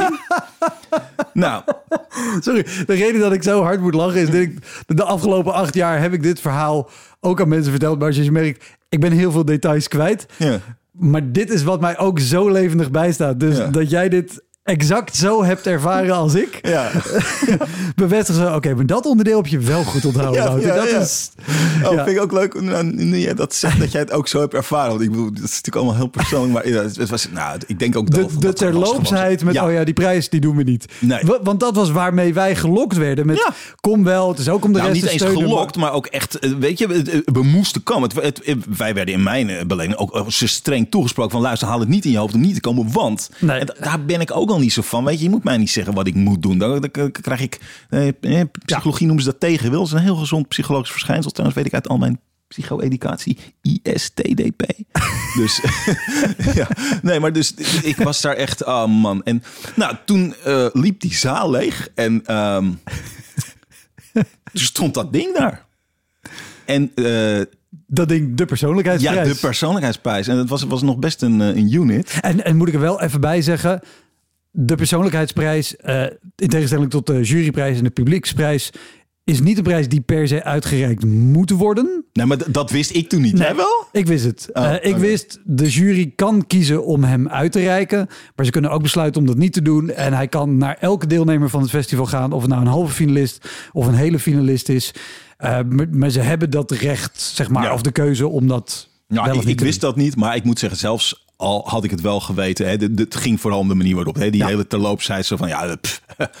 dus ik, ehm, en ik zag dat ding staan en toen, uh, er deden tweede mei- meiden mee, ik ben even hun naam kwijt, weet jij dat nog, dat duo, die twee blonde dames? Eh, Konden mooi zingen. Kaat en T, T en Ja. iets met T. ik- Kat en T, zoiets. Zoiets, ja, ik, ik weet het niet meer. In ieder geval, die stonden daar ook naar te kijken. En die, die maakte zo'n half grappend, grappende opmerking. zo van eh, alsof ze daar wel iets mee zouden willen. En, en, en toen dacht ik opeens: fuck it, ik neem hem mee. Eh, en toen, ja, toen was het komische dat ik dacht: ja, maar hoe ga ik dat doen? Want die zaal was aan het leeglopen. En iedereen liep ook weg van het podium. En het was in het nieuwe Luxor. Dus gigantisch theater dat eigenlijk voor musicals is gemaakt met een cast van 180 mensen en zo. Dus ik loop naar dat ding toe en ik denk, nou, ik kan in ieder geval niet de uitgang uit waar nu, eh, hoe, nou, hoeveel mensen zaten er? 1100 mensen of zoiets staan te, te, te, borrelen en zo. Ik moet naar achter, naar de, waar de kleedkamers en zo zijn. Maar daar waren wij natuurlijk helemaal niet geweest, want wij zaten in die zaal. Dus ik loop gewoon blind die coulissen in en ik ga daar een of andere willekeurige deur door. En dat vond ik nog best spannend, want er staat natuurlijk geen ramen in die deur. Dus achter elke deur kon iemand staan die opeens Ja, ja, zou kunnen zeggen van... hey, wat de fuck doe doe jij met ding? Ja, precies. ik doe die deur open. Nou, niemand. Ik ga maar weer een willekeurige andere deur door. En zo bleek een heel labyrint daarachter van gangen en, en, en, en zalen en kleedkamers. Ja, ja, ja. En ik dacht, ik moet ergens een plek vinden waar ik dit ding nu kan neerzetten. eh, verdekt. Dan kan ik mijn jas gaan halen, terugkomen, hem onder mijn jas doen en dan kan ik weer weg. Maar ik, ja, dus nou, en, en dat was een heel spannende tocht, want elke deur, daar kon ja, iemand zijn. Ik, ik, ik, kende daar de weg. En op een gegeven moment, verdomd jongen, toen ik doe een deur open en eh, die, die, de mensen van de organisatie hadden ook een bepaalde kleur t-shirt aan, weet ik nog. Ik geloof zwart. En komt van de andere kant komt iemand met een zwart t-shirt aanlopen. En ik sta met het ding in mijn poten. Dus en toen echt heel. Dan moest ik denken aan mijn goochelervaring. Ik denk als ik iemand strak aankijk en ik zeg heel nadrukkelijk hoi, dan weet ik, dan kijken ze naar mij. Dat is een soort beleefdheidsding. Wat goed. En ik doe gewoon, ik haal dat ding gewoon achter mijn rug. Dus dus ik liep heel raar waarschijnlijk. Maar ik keek diegene zo. ik Hey, hallo. En die zo, eh, oh, hoi. En, en toen was ik er al voorbij. En hop, voor me en door. Nou, Wat goed. toen kwam ik bij het trappenhuis. Dek- trappenhuis, dat is mooi. Want een trappenhuis eindigt natuurlijk altijd ergens beneden. En daar moet een hoekje zijn. Dus en verdomd, weet je, zo'n trap die eindigt op de grond. Heb je zo'n zo'n hoek. Dus ik dat ding onder die trap gezet. Terug naar boven. Ik kon gelukkig nog de weg vinden, want dat was niet makkelijk. En ehm, eh, ik naar de garderobe toe. Jas gehaald. Weer helemaal terug. Dat ding onder mijn jas. En gewoon zo naar buiten gelopen. En toen kwam ik thuis. Eh, en eh, ja, toen moest ik gewoon denken aan, aan, aan jullie, weet je, aan mijn mede-halffinalist. En toen heb ik op Facebook een, een postje gedaan van jongens, eh, kom morgen even naar mij. Toen nemen we allemaal een foto met dat ding. Staat voor iedereen leuk op zijn website. Dat was het enige wat ik ermee heb gedaan wat ik leuk vond. Toen werd ik de volgende dag dus wakker gebeld door Giel Belen. En bleek ook Arjen Lubach, die had het op. Het had dus iemand had dat aan. Ik geloof dat Arjen Lubach. Iemand had het die Facebook-post gezien. En die aan Arjen Lubach soort van doorgespeeld, zeg maar. En die had het weer op Twitter gegooid. En toen ging het helemaal los. Dus inderdaad, ik stond op nos.nl. Ik. eh, ik, alle lokale eh, krantjes in Nederland heb ik ook ingestaan. Want die vallen allemaal onder één bedrijf of zoiets. Dus als dan één keer zo'n artikeltje, dan stort dat overal. En die dacht dan wel, dat is die jongen die hier het Cabaret Festival heeft georganiseerd. Ja, precies. ik ben benieuwd of er nog mensen merken. Ja, dat zal bijna niet. Dat was inmiddels ook acht jaar geleden natuurlijk. Maar eh, ja. Dus dat, eh, dat gebeurde toen. En wat ook wel heel komisch was, vond ik achteraf, was hoe geschrokken, bangig en spastisch de organisatie van Cabaret reageerde. Die waren ook echt, die, die bleken op dat punt totaal geen humor te hebben. Nee, Helemaal niet. Die waren echt gepikeerd. ik heb ze ook nog een uur aan de lijn gehad. Echt? Daarover? Ja, ja, ja. Nee, dat meen je. En, en wel... eh, Waarom? Nou, ik had sowieso, want, want één iemand uit de organisatie heb en eh, had en heb ik nog altijd heel leuk contact mee. Maar die waren vooral, die snapten absoluut niet waarom je dat zou doen. Hmm. En dat ik ook uit heb gelegd van ja, maar voor ons was dat echt nog inderdaad een strohalm om nog iets aan dit festival. Maar En toen luister. zeiden ze, ja maar, ja, maar je komt toch ook om, om de mensen te steunen waarmee dat... Het is toch ook iets leuks wat we met elkaar doen? Ik zei, ja, voor jullie wel. Jullie doen dit elk jaar. Voor ons is dit een opstap naar een carrière. En, maar weet je wat het ook is, Wouter? Alles wat ik net heb verteld van hoe ik dat heb beleefd van de terloopsheid en dat we wat we daarvoor hadden meegemaakt, stond allemaal ook in die Facebook post. Die was namelijk alleen maar voor ons bedoeld. Weet je, dus dat hele verhaal van hoe wij dat beleefd hebben en waarom ik dat heb gedaan, stond heel duidelijk, bloemrijk beschreven in die post. Dus ik, ik vind eigenlijk raar dat jij dat dan nog een keer. ja, maar, de- maar er, Ja. is, er is een verschil tussen, net als een organisator die, die bedenkt... oh, ja, maar dat is toch leuk als de band stopt, doe jij even wat leuks. Die niet bedenken hoe dat is voor een artiest. Zij hadden ja. dus ook het feit dat wij daar moesten zijn voor die uitreiking. En dat heb ik ze ook geprobeerd uit te leggen. Ik zeg, jullie wisten na de halve finale al, had de jury kunnen overleggen, zit er iemand tussen de halve finalisten waar we de persoonlijkheidsprijzen uit willen reiken? Nee. Ja. Ik zeg, als je mij op zaterdagmiddag had gebeld en had gezegd, joh, we laten je alvast even weten, die juryprijs gaat niet naar een van jullie, maar we vinden het nog steeds heel leuk als jullie erbij zijn om de rest te steunen. Ja. Ik zeg, dan was ik gekomen om de rest te steunen, want er zaten twee jongens in de finale die goede vrienden van me zijn. Ja. Ik zeg, dan had ik daar neutraal gezeten. Nu zat ik er toch met samengeknepen billen. Met misschien heb ik in ieder geval nog Ja, ja, ja, precies. die persoonlijkheidsprijs. En dat het dan zo terloops wordt genoemd. Dat, dat was een, een trap na. En dat, daar waren zij zich totaal niet... Nee, nou ja, dan hebben ze het twee keer gehoord. Want het stond dus ook echt heel duidelijk in die post. Maar het is Ja, een lang ik- gesprek geweest om dat duidelijk te maken. Hoor. En dat Ah, ik ja. ook zei, ja, ik vind het heel grappig wat Maarten heeft gedaan. Ja. En ik snap hem volledig. Ja, ja, precies. snap- ja, maar hoe kan je dat? Ik zeg, ja, maar zus en zo. Nou ja, grappig dat je, want inderdaad die soort van verontwaardiging bijna, die proefde ik dus ook bij hen. En achteraf vind ik dat ik hem gewoon nog veel langer had moeten vasthouden en daar gewoon een spelletje hoe, van moeten hoe maken. is hij? Want kijk, ik heb het natuurlijk meegemaakt dat jij hem mee hebt genomen. Ik heb ook dat hele persding daarom destijds wel meegekregen. En het gesprek gehad met, met kameretten. Hoe is hij teruggegaan? Heb je hem gewoon in een doos teruggestuurd? Nee. Ben je hem gaan brengen? Hoe Nee, er dat was gegaan? toen eh, één één dame die is toen, eh, die woonde geloof ik in Amsterdam. Eh, eh, dus weet je, ik, ik woon op, eh, op Marken. Marken. Eh, en eh, dat- dat is 20 minuten van Amsterdam. Dus ik ben toen eh, ergens bij, ehm, hoe heet het, bij het eind van de Haarlemmerstraat. Dus maar niet aan de kant van het Centraal Station, maar daar aan de andere kant. Daar ergens in een straatje heb ik hem teruggebracht. Volgens mij woonde zij daar in de buurt of zo. Nou, in ieder geval daar heb ik hem Ja, volgens mij. Dus teruggebracht. als, Dus als het is wie ik denk dat het is, dan is het Ja. daar in de buurt geweest. Heette ze zo? Ja. Ja, die, ja. Dus, maar het, ja, de, de, de humorloosheid, eh, die viel me wel heel erg op. Ja. Wat achteraf heel komisch was. En ik was toen eigenlijk iets te braaf en medelevend dat ik dacht, oh, oh, oké, nou als het zo erg is, nou hier is die dan. Maar eigenlijk had ik ze daar nog best even wat langer mee kunnen plagen, vind ik. Want ja, ik, ik- het was gewoon grappig. Ja. En wat ook heel mooi is, het is natuurlijk ook een mooie parallel met waar jij zei, ja, cabaretiers, waar ik naar opkeek, respecteerde Theo Maas. Weet ik al, Theo Maas heeft dit natuurlijk Ja. geflikt met de PSV-beker. Ja, dus daar leuk. zit, zit een hele mooie, hele Ja. mooie parallel. Ja, ja, ja dat heb ik ook. eh, ik, ik had dat toen helemaal niet in mijn herinnering. Maar toen wezen mensen mij daarop. En toen dacht ik, oh ja, dat heb ik geloof ik wel eens ergens gezien. Dus misschien onbewust dat dat nog wel. Maar ik was me er niet, toen niet bewust van. Ik heb wel heel veel genoten toen ik dat nog even terug heb gekeken. Dacht ik, oh, dat was leuk. Wat een goede grap. Ja, zo leuk als je dat doet. Ja. Ja, Ik vind het grappig dat het ook zo'n hier to the moment ding is geweest met oké, ik neem hem mee. Hoe verstop ik hem? Oh wacht, ik weet nog goocheltheorieën die ik hier gebruik om mensen af te leiden.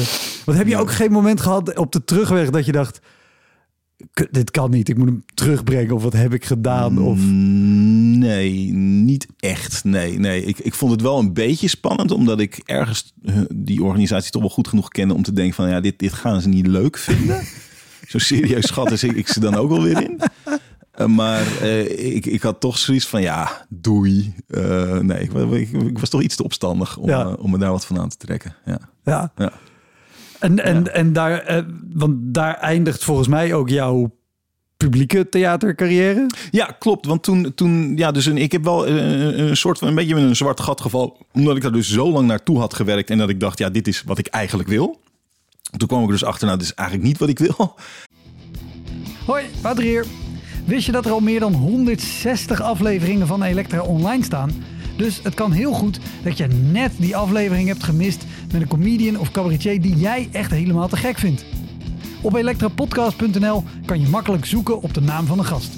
En daar kan je ook heel makkelijk doneren of crewmember worden om mij te steunen bij het maken van deze podcast. Als je in je podcast of streaming app even klikt op abonneren of volgen, dat is gratis, krijg je elke week een melding als er een nieuwe aflevering klaar staat. Oké, snel weer terug. En eh, ja, maar wat wil ik dan? En ehm, toen ben ik eigenlijk enorm gaan herwaarderen wat ik al had. Namelijk dat ik die, die, die cabaret op maat eh, dingen deed.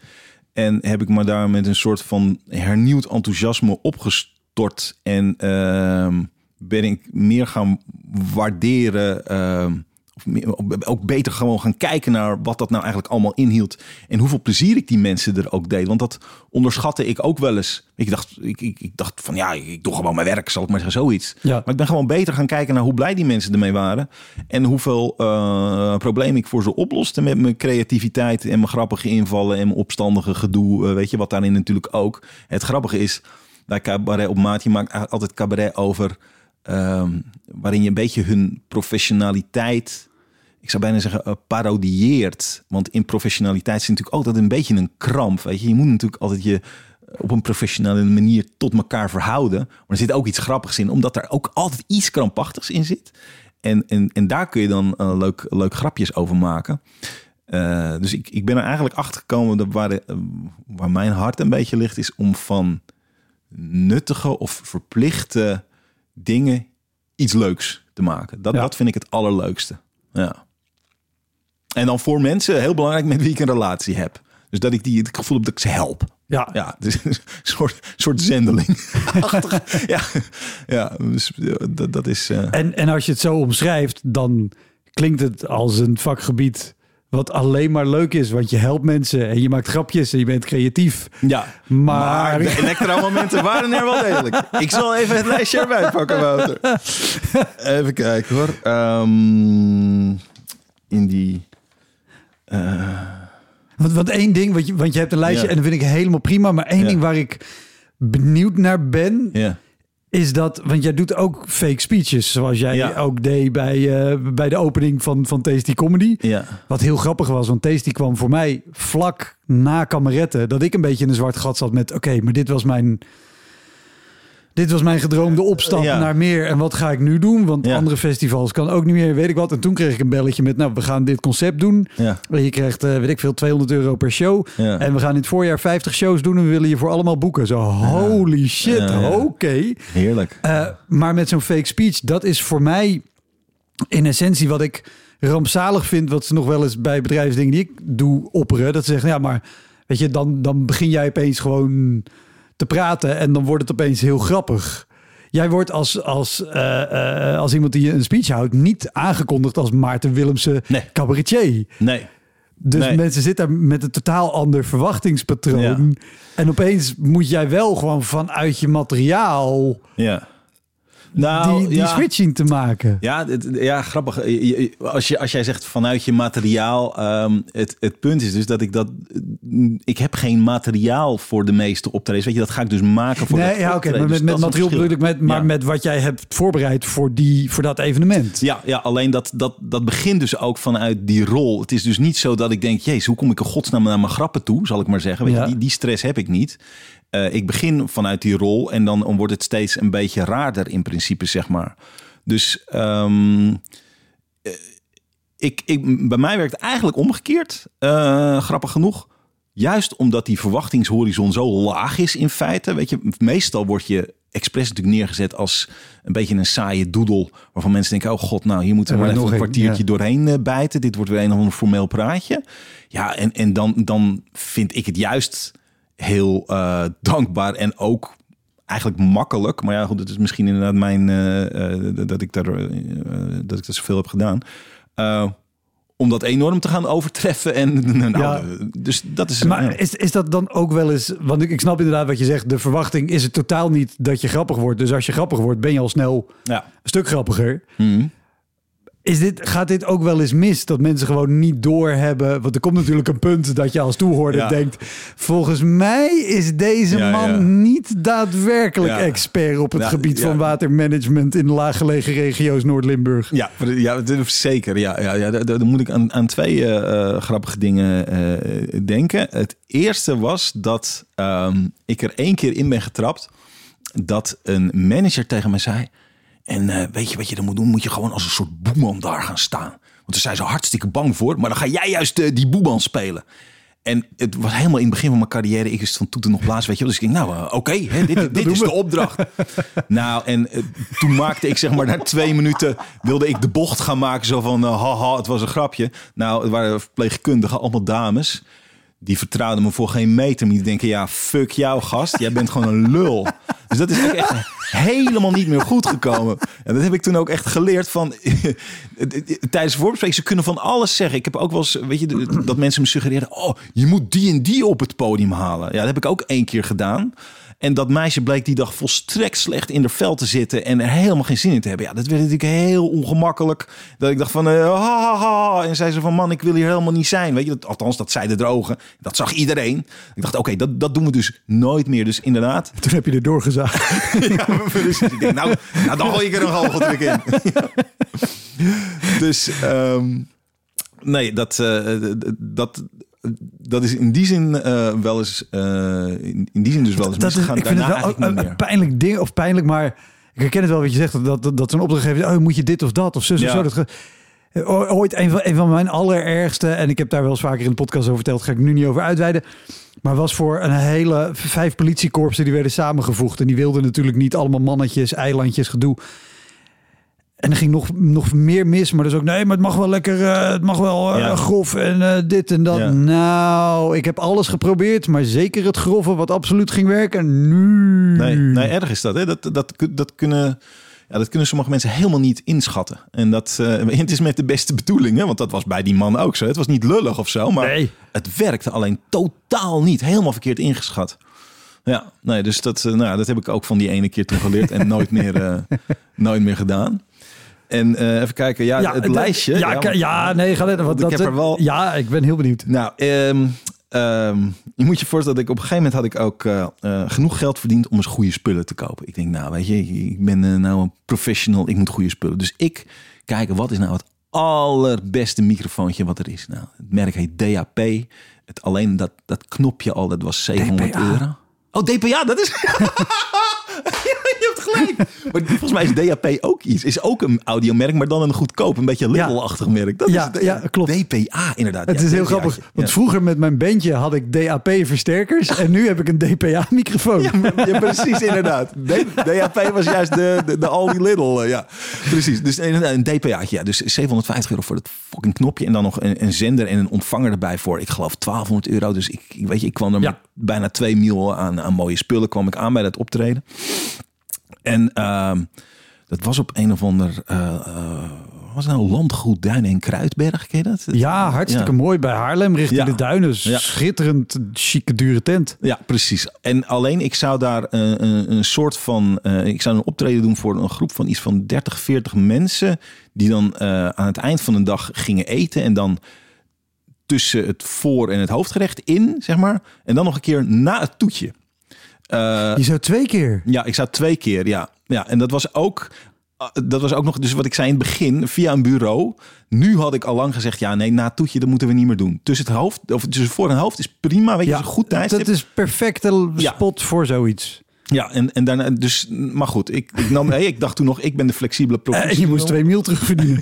dat, dat ook, ja. En dat, uh, nou, dus um, ik doe dat, uh, dat eerste optreden en uh, ging hartstikke leuk. goede sfeer, alles. En ik kom na dat toetje op en het was inmiddels geloof ik ook tien uur of zo. Weet je. En die mensen hadden dus een hele inhoudelijke dag erop zitten. dus die waren kapot. En toen kwam ik nog eens een keer. En ik dacht, ja, dit moeten we helemaal niet doen. Weet je, ik zag het aan alles. Maar het was via een bureau gegaan. En ik had dus het idee ja, maar als ik nu zeg, jongens, dit moeten we niet doen. Als het mijn eigen gig was geweest, had ik gezegd, nou, dan doen we het voor de helft en dan is het nu klaar. Weet je, prima. Ja. Maar ja, het bureau, dat wil natuurlijk hun uh, kat gewoon wel hebben. Dus ik denk, ja, nee, ik, ik, ik moet. Dit is de afspraak. Dus ik ging daar toch staan. En het was voor uh, het, het brandwondencentrum in Beverwijk. Die zitten daar natuurlijk in de buurt. En het waren, uh, ja, op een uh, ik geloof chirurg of zoiets. Het waren iets van specialist of zo. En um, toen moest ik opeens denken aan een goocheltruc. Want ik heb namelijk ooit een, een goocheltruc geleerd die ik als enige kon, samen met een Amerikaan. Ik heb hem van die Amerikaan ja, gejat eigenlijk gewoon, gekopieerd. maar ik wist dat ik dat niet erg zou vinden. En dat was een goocheltruc waarbij ik tien sigaretten in mijn mond had. Ja. Die stak ik ook allemaal aan. Dat geeft dan ook een soort van komisch gezicht. Weet je, kwam enorme ja, rookwolken vanaf. Zit en die deed dan zo, huh? in mijn mond? Dus die flipte je zo naar binnen. Ja, die, ja. precies, die flipte ik. Ja, zo, zo, zo, naar binnen. En dan maakte ik daar een paar grapjes mee. En, en ondertussen ik, ik, ik beschrijf gewoon even wat ik zag toen ik die Amerikaan het voor het eerst zag doen. Ik denk, hoe de fuck kan... Dat is exact wat ik nu denk. Ja. Hoe de fuck doe je tien Nou, sigaretten omgekeerd Je moet, eh, voor de mensen die dat een keer willen nakijken, Tam Malaka, Muleka met een C. Eh, je kan het gewoon nog zien op YouTube. Het is echt ongelooflijk wat die man De doet. zoekgeschiedenis van mensen na deze aflevering is zo fucked up met therapieën Ja, precies. goochelaars, nieuwsberichten uit 2015 over gejatte prijzen. Ja, precies. ja, nou, dus ehm, die, en, en ik zag hem dat doen en dan eh, heel spectaculair. kwam zo allemaal rook uit zijn mond en alles. En dan pakte hij een paar servetten. En dan ging hij zijn mond zo afvegen. En dan gingen die sigaretten ook nog in de fik. En dan ging hij die sigaretten ook nog, of, of eh, sorry, die servetten ging hij ook nog in zijn mond douwen. En op een gegeven moment slikte hij dat door. En dan nam hij nog drie slokken water achteraan. En dat je ook echt zag, hij neemt echt drie slokken water. Er gaat niks uit of zoiets. En hij zette dat, dat glas neer. En dan praatte hij door, alsof er niks gebeurd was. En toen ik dat voor de eerste keer zag, dat was ook in de tijd van Jackass dat ik dat zag. Ik denk, nou, dit is de ultieme Jackass stunt. Dit moet ik ook kunnen. Dus ja, en toen ben ik, ben ik met een vriend ben ik dat gaan analyseren. Een Noorse vriend, weet ik nog. In Noorwegen hebben we dat zitten analyseren. En op een gegeven moment dacht ik, krijg nou de kleren. We snappen hem. En ik kan je garanderen, ook al gaan mensen dat nu kijken op YouTube, volgens mij, je komt er nooit achter. Het is echt, dit was een soort spur of the moment ding. Dat opeens kreeg ik een brainwave en ik wist natuurlijk heel veel van goochelen. Ik denk, jezus, zo doet hij dat. Ondertussen, eh, die, die, die, die sigaretten gaan gewoon echt de mond in. Het staat ook echt in de fik. De, de, die servetten gaan ook echt in de fik. En je moest door een flinke hoeveelheid pijn heen bijten om dat te doen. Maar ik ben dat gaan doen omdat ik het zo spectaculair vind. Ik denk, ja, weet je, bij Jackass hebben ze ook pijn. Ik heb ook pijn. Fuck it, dit is spectaculair. Dit wil ik doen. Dus ik ben dat gaan doen. Ik ben zelfs gaan proberen om te gaan roken daarvoor. Omdat die, die rook was zo heftig en dat kwam in mijn neus. En ik kon er helemaal niet tegen. Ik was altijd een half uur daarna nog zo helemaal duizelig. En toen dacht ik, nou, als ik nou misschien een beetje ga roken, dan... eh, dan, dan, dan- ja, ja, echt superdom. Dan leid ik daar minder onder, ja. Nou, nou, mijn geluk is dat ik Hoe, hoe krijg ik minder last van deze sigaretrook? Als ik gewoon dagelijks ga roken. Dat is een goed idee. Nou, ik dacht, dan doe ik één sigaret per dag of zo. Weet je, dat ik, ja, heel naïef allemaal. Eh, het is niet gelukt. Ik heb, ik heb een, een maand lang elke dag een sigaret gerookt met een emmertje ernaast, omdat ik elke keer moest overgeven. Ik, ik ben er blijkbaar niet. eh, Maar straks is het 1 januari, dan probeer je gewoon goed voornemen. Toch Dan nog. begin ik met roken. Nou, het was een beetje die spirit, inderdaad. Dus, ehm, nou, maar ik heb die goocheltruc wel Ja. geleerd. Ja, Uiteindelijk ben ik ook met die goocheltruc als goochelaar nog op tv gekomen. En eh, eh, weet je, ook zo'n soort talentenshow eh, had je toen opeens in, in de tijd van Idols ook. Want Chantal Jansen zat toen in de jury. En hoe heet die? Gert-Jan Dreugen. En die zaten met open mond te kijken. Die gaf ook heel lovend commentaar. Vonden we geweldig. Dus ik was heel trots op die truc. En ik dacht opeens toen, zeven jaar later was dat al of zo. Die truc brandwondencentrum Beverwijk. Ik denk, nou, weet je, hoef ik niet te gaan praten. Is het na afloop van een toetje, hoeven ze alleen even wat te kijken. Is makkelijk. Weet je, ik denk, win-win. Dus ik pak een zoutje sigaretten. Ik geloof dat ik die ook, die had ik natuurlijk niet bij me. Dus ik van een of andere ober een pakje sigaretten gekocht. Een aansteker, een paar servetten ergens vandaan. Ik denk, nou, dit gaat helemaal goed. Eh, en ik, ik, ik zeg zo, nou dames en heren, eh, zo lekker naar huis hoor. Maar ik dacht, eh, ik wil nog even één ding. Ik, ik, had een, ik had een leuk verbindend praatje, weet ik ook nog. Dus ik steek die sigaretten in mijn mond. En opeens zie ik uit mijn ooghoek een, een vrouw opstaan. En die komt mijn kant op gelopen. Ik nam meteen zo half onbewust aan, wou die zal wel naar de wc moeten. Weet je, Ja. Waarom zou je anders opstaan? zo'n- Ja. Eind van de avond, logisch kan. Ja, dus, en, eh, maar ze komt steeds dichterbij. En ik denk, oh, nou, dus, eh, wc zal wel achter mij zijn, of de gang, of eh, weet ik wat. Ehm, en opeens zie ik, als ze echt 30 centimeter voor me staat, dat ze een glas in haar hand heeft. Gewoon met water. En ik sta met die sigaretten in mijn mond. En opeens draait ze dat glas boven mijn hoofd om. Over mij heen. Over mijn gloednieuwe microfoon Nee. heen. Ja. Godverdomme. Godgloeiende. Jezus. Maar ook de totale minachting waar ze het mee deden. Want ik bedoel, los van als je, als je nou nog een soort geintje maakt. Nou zal ik anders deze of zo. Weet je, als je daar even mee speelt. Maar gewoon met een strak gezicht. Gewoon baf. En daarna omgedraaid en weer teruggelopen. En me met een soort smalend gezicht, met een soort minachting aangezitten kijken. Het was echt heel naar. Ja? Ik denk, wat gebeurt hier? Ik zag ook dat al de collega's waren ook allemaal gegeneerd. Zo van, jezus, wat gebeurt hier?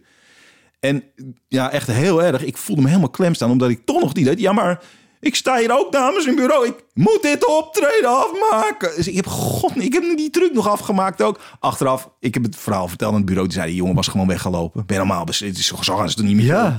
Dus nou, daar heb ik ook echt van geleerd. weet Maar je hebt de truc, waren die sigaretten nog aan? Of heb je die Eh, met, ja, ja, het want als ze uit zijn, dan slaat Ja, het hele ja. truc nergens meer op. Ik heb dus in een soort reflex, kan je nagaan, hè? Omdat ik opeens dat water zag komen, heb ik dus die sigaretten zo... Ja, de sigaretten beschermd. Ja, godverdomme, over toewijding gesproken. Jezus. Ja. En, en, en, en hoe is dit? Heb je, heb je deze vrouw nog zei, hey, geef even je gegevens? want- Ja, ja, dat heb ik inderdaad. eh, eh, nou, nee, ik, ik was op dat moment te, te beduust. Ik was eigenlijk in een soort shock. Ja. Ik dacht, wat is mij overkomen? Eh, en wat ik zei, die hele gedachtegang van ja, maar ik moet toch dit afmaken. En eh, dus ik ben een soort van beduust naar huis gegaan. Toen heb ik eh, dat bureau gemaild. Die zeiden, wat what the fuck? Eh, eh, ga erachteraan. Eh, of nee, niet ga erachteraan. Die zeiden, stuur ons een mail met wat er gebeurd is. En dan gaan wij een schadeclaim indienen bij die vrouw.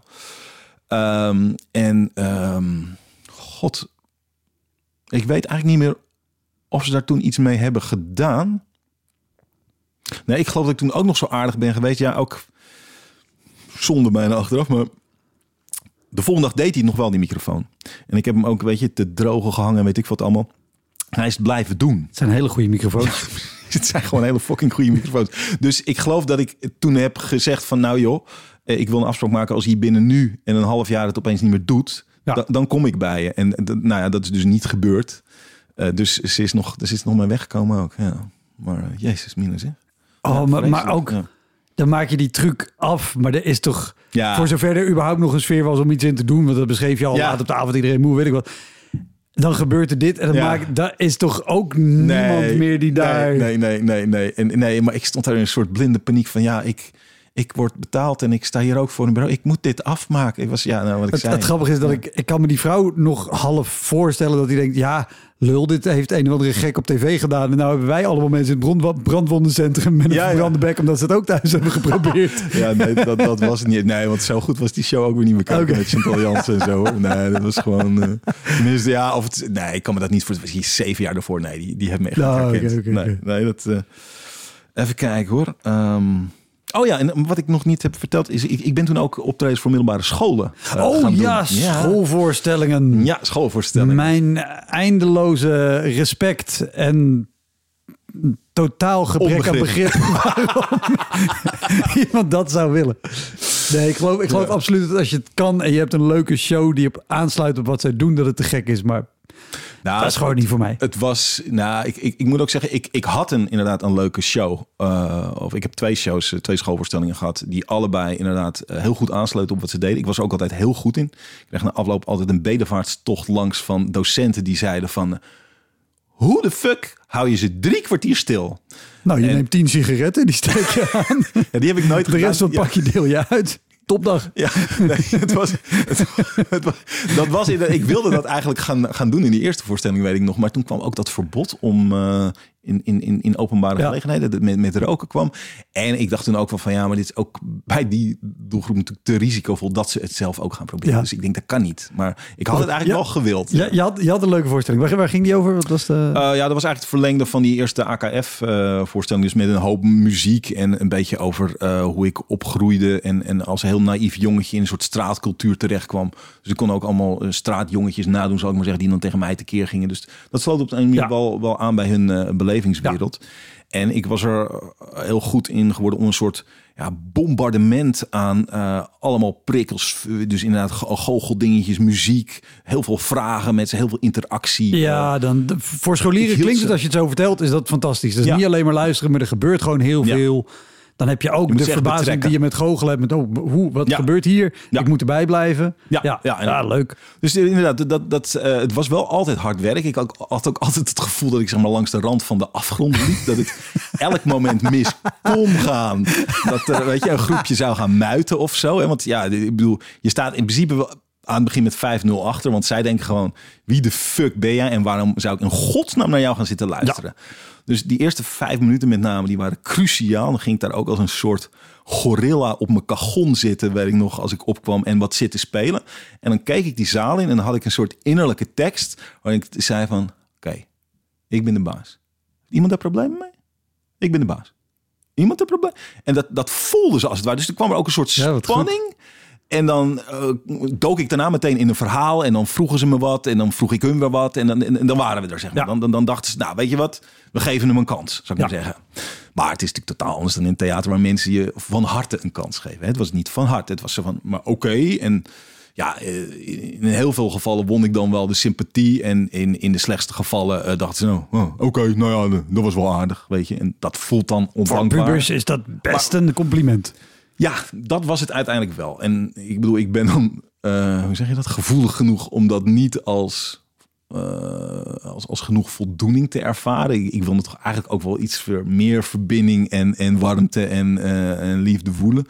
Dus dat was er wel zwaar aan. Ehm, maar ik wist wel inderdaad dat ik het goed deed. En de docenten, dat was dan altijd heel dankbaar. Die echt zoiets hadden van, wauw.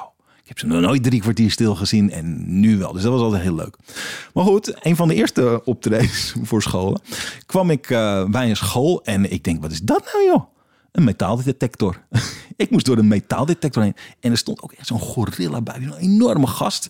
eh, die me een vriendelijke knipoog gaf, maar die dus duidelijk was gewoon de uitsmijter, zal ik maar zeggen. Weet je, die, die hoorde gewoon bij die school, had gewoon een fulltime aanstelling.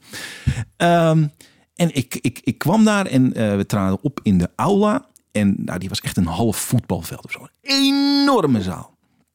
En eh, het podium was net zo groot als een van de zijdes. Dus ook een enorm podium. Ja. Dus wij zetten onze spulletjes neer op dat podium. Nou, ik, sommige podia in, in die scholen die zijn natuurlijk twee bij drie meter of zoiets. Dus we hadden helemaal geen spullen. Dus dat was een heel leeg podium. En eh, toen kwam de groep binnen waar ik voor zou gaan optreden. En ik had toen geen aantallen meegekregen. Dat bleken twee klassen van twintig kinderen te zijn. In die zaal, dat was dus letterlijk één rij. Je gewoon 40 stoelen naast elkaar, één rij. En die hadden ze echt 30 centimeter voor het podium gezet. Weet je, dus die, die, ik, stond echt bijna op die kinderen. Oh, maar zelfs met mensen die daar graag willen zijn, is dat al een onmogelijke setting. Zo'n Ja. grote zaal met Ja. zo weinig mensen. En ook nog hoog. Een hele hoge zaal was het ook nog, ja. Oké, ja. Ja, en, en wat er toen ook nog gebeurde, was dat die kinderen die kwamen mijn kant op. Maar al die docenten, er waren ook iets van zes of zeven docenten bij. Heel gek voor zo'n kleine groep. Ik weet ook nog steeds niet hoe dat werkte. Maar die gingen allemaal de andere kant op. Die gingen namelijk achter in de zaal staan. Tegen de achterwand aan. Met hun handen op hun rug. Ik denk, wat gebeurt hier? En ik denk, ze stralen gewoon uit. Ik wil hier niks mee te maken hebben. Ik ben ze drie kwartier kwijt. Weet je, dat was Ja, ja, wat ja. ik voelde. Achteraf bleek dat ook precies het geval te zijn. Het is eh, geen ongebruikelijk iets bij een scholierenvoorstelling. Nou, dus en die 40 die gaan zitten en nou, een behoorlijke uh, rouwdouwerige sfeer was er, zeg maar. Dus ik begin met die eerste vijf minuten. Nou, ik, ik had hun aandacht, weet je. En opeens een minuut later breekt er een vechtpartij uit. Twee jongens, die gaan keihard met elkaar op de vuist. Maar echt, echt meppen, jongen. Maar het was ook heel snel over, want toen gaf één het zeg maar op. Die had een klap op zijn oog gehad. Ja, nee, nee, stop, stop, stop. En, en die gaat weer zitten. En toen keek weer iedereen mijn kant op. Ze van, nou oké, ga maar verder. ik denk, hè? Dus... En ik keek natuurlijk naar achter in de zaal, naar die docenten. Ze van, ja, wat moeten we hiermee? En eh, niks. Die, die, die- oh ja, nee, die, die vermeden mijn blik. Dat was het. Ja, die vermeden mijn blik. Zo van, jouw, eh, jouw publiek. ja, dus ja. Dus en toen, toen was ik ook wat ik zei, het begin van mijn carrière. Dus ik durf- durfde toen niet de boel stil te leggen. Ik denk, nee, ik, ik moet er wat van maken. Dus ik denk, nou oké, eh, ik ga door. Want iedereen kijkt weer mijn kant. Dus ik ga zo door. En het, het bizarre was, het, het ging ook gewoon door. Hè? Die jongens ook blijkbaar zo van, nou, het was even eh, klaar. Dus we gingen door. En toen, dus ik had weer de aandacht. En nog een minuut later. Het meisje eh, dat vlak voor mij zat. Want ik stond in het begin van die voorstelling stond ik echt in het midden. Dat had ook een reden. En eh, het meisje dat vlak voor me zat. Dus echt op 20 centimeter afstand gewoon van mijn voeten. Ja. Ehm, begint opeens een gesprek met haar buurvrouw. Maar niet, niet zeg maar zachtjes of zo. Of, of, maar gewoon zoals wij nu met elkaar praten. Gewoon dat je denkt, nou ik ga eens even rustig zitten. En ik ga met jou zitten praten. Gewoon zo. Ja. Op luide, duidelijke toon. En ik kijk naar haar. En ik zie dat de rest nog steeds naar mij kijkt. En iets in haar houding zegt mij van, nou, ik laat het even. Ik had natuurlijk ook net die vechtpartij al gezien. Ik denk, er is hier iets. En die metaaldetector en die gasten. Ik denk, er is hier iets. Laat ik maar niet meteen erop in. eh, erop inspringen. Dus ik, ik laat dat gaan en ik praat zo door. Maar het begint me steeds meer op een zenuwen te werken. Op een moment Uiteraard. Er zit iemand op rij één hard op een gesprek te voeren. maar ook echt hardop. Hè? Dus ik, ik, ik, ik- gewoon eigenlijk harder dan ik. Ik had natuurlijk een microfoontje, maar dan nog, ik, dat, dat hoor je zelf niet zo goed. Want die boxen die stonden natuurlijk aan het eind van dat podium, dus die waren heel ver weg. Dus, en na een minuut of drie, vier denk ik, ja, maar Jezus, ze stopt ook gewoon niet. Het is ook niet iets dat even besproken moet worden. Het was gewoon een gesprek over gewoon een of ander onderwerp, wat niets met de voorstelling te maken had. Zo van, ik ga nu even zitten. Ja. Dus op een gegeven moment denk ik, ja, ik, ik moet er nu wat van zeggen. Ik kan dat zo niet. Ik stop, ik zeg, hé, hey, luister. eh, ik, ik wil eigenlijk even praten, maar ik kan me niet zo goed concentreren. Kan je alsjeblieft even stoppen? En ze kijkt me recht aan met een hele felle blik. Ze zegt, doe even normaal. En ik was zo verbouwereerd dat ik alleen maar kon uitbrengen. Ja, maar ik doe normaal. en toen herhaalde ze het. Ze zegt, doe even normaal. En ik was dom, zo verbouwd dat ik het ging, dat ik, me, ik ging me verdedigen. Dus ik ging uitleggen, nou, nee, maar luister, ik, ik, ik moet hier optreden, dus en, ik moet met die hele groep. Dus als ik nu met de groep moet praten, als jij een gesprek met haar wil hebben, dan moet jij eigenlijk even naar buiten gaan, want wij zijn met een hele grote groep.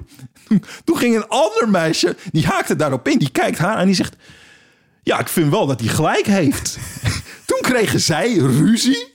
Dat duurde drie minuten. Al die tijd stonden die docenten gewoon achterin nog steeds naar de lucht te kijken, naar de muur. Er gebeurde helemaal niets. Dus en ik heb die meiden soort van uit laten ruzie, want daar kwam ik helemaal niet meer tussen. Nee. En toen de voorstelling afgemaakt en dat was het. Jezus, jongen. Ja, ik heb na afloop echt met die, met die technicus af. Wat, wat, wat was dit? Wat is hier gebeurd? Ja. En die, die, die kinderen ook. Ja, dat was ook bijvoorbeeld iets wat ik toen ook meemaakte. Dat wist ik ook niet dat het bestond. Ik kreeg geen applaus. En ik had wel het idee, weet je, ik maakte wel een buiging, maar ik kreeg geen applaus. Oh, dat is ook Ja, pijnlijk. nou ja, dat vond ik toen ook. Eh, althans, nee, die, die, dat optreden vond ik dat al niet meer. Want ik had inmiddels al een paar keer mee- meegemaakt dat dat gebeurde. Ook op eh, een beetje dit soort plekken. Maar het punt was dat ik dan wel het idee had, bij die andere plekken met name, dat het gewoon goed was. En dat ze Ja. het ook leuk vonden. En toen dat de tweede of derde keer gebeurde, dacht ik, wat gebeurt hier nou? En opeens, ik denk, ik begrijp het. Die kinderen kennen dat niet. Nee. Er zijn kinderen Nee, nee, die dat gewoon helemaal niet kennen. Dus toen heb ik op die plek uitgelegd van jongens, eh, weet je wat nou eigenlijk de bedoeling is? Een beetje grappend van, eh, nou jongen, ik kreeg een applaus van hier te Tokio wezen, bleef nog drie minuten joelen. was hartstikke leuk. Dus ik zag ook bij deze kinderen, ah jullie vonden het best leuk, maar ja, het, het komt niet in jullie op. En bij die groep heb ik het toen ook even gelaten. Ik denk, ja, Ja. het is wel even mooi Ik vind dat ook het lastige met, met gewone voorstellingen waar je eh CKV'ers in de zaal hebt. Dus Ja. eh culturele zinnige vorming. Ja. Dat hele project of dat hele vak is er natuurlijk dat je ook wel gewoon ah, leert wat de lol is van theater of cabaret of dans, weet ik waar je heen gaat. Ja. Maar ook wel dus de normen die erbij hoorden, dat je, horen dat je niet gaat zitten praten. Ja. Of dat je aan het eind een applaus geeft. Maar de, ik vind het altijd zo twijfelachtig. Ik zeg, ik vind het heel waardevol dat leerlingen dat leren. ja. Maar niet per se met z'n dertigen tegelijk bij mij in de zaal. Nee, nee, nee, dat, is, dat, dat, dat verstoort echt. Ja, dat, dat snap ik heel goed. Ja. Ik heb dat nooit meegemaakt inderdaad. Ik heb alleen zeg maar de, de echte CKV-optredens gehad. Ik heb ze nog nooit in het theater gehad Nee. dat ze er zaten. Oh, maar, maar dit lijkt me zo... Maar ik, ook de verbouwereerdheid van... Hè, maar dit doe je toch gewoon niet? Nee, zij vond het echt, eh, echt heel normaal. Zo van, ja, jij praat, maar ik heb ook zin om te praten. En, Klaar. en, en heb je die leraren achteraf nog gesproken? Wat, wat vonden nee, die waren meteen weg. Die heb ik ook gewoon helemaal niet meer gezien. Nee, en, en alleen die, eh, die, die, die, die gorilla die daar eh, aan de deur stond nog eventjes. dat we ook zeiden tegen hem van, wat is dit voor een plek, jongen? Ja, wel een beetje typisch publiek, hè? Ha. Ja, dat was het. Ja. dus, en ook één schooloptreden wat ik ook nooit zo vergeten, hier vlakbij in Volendam.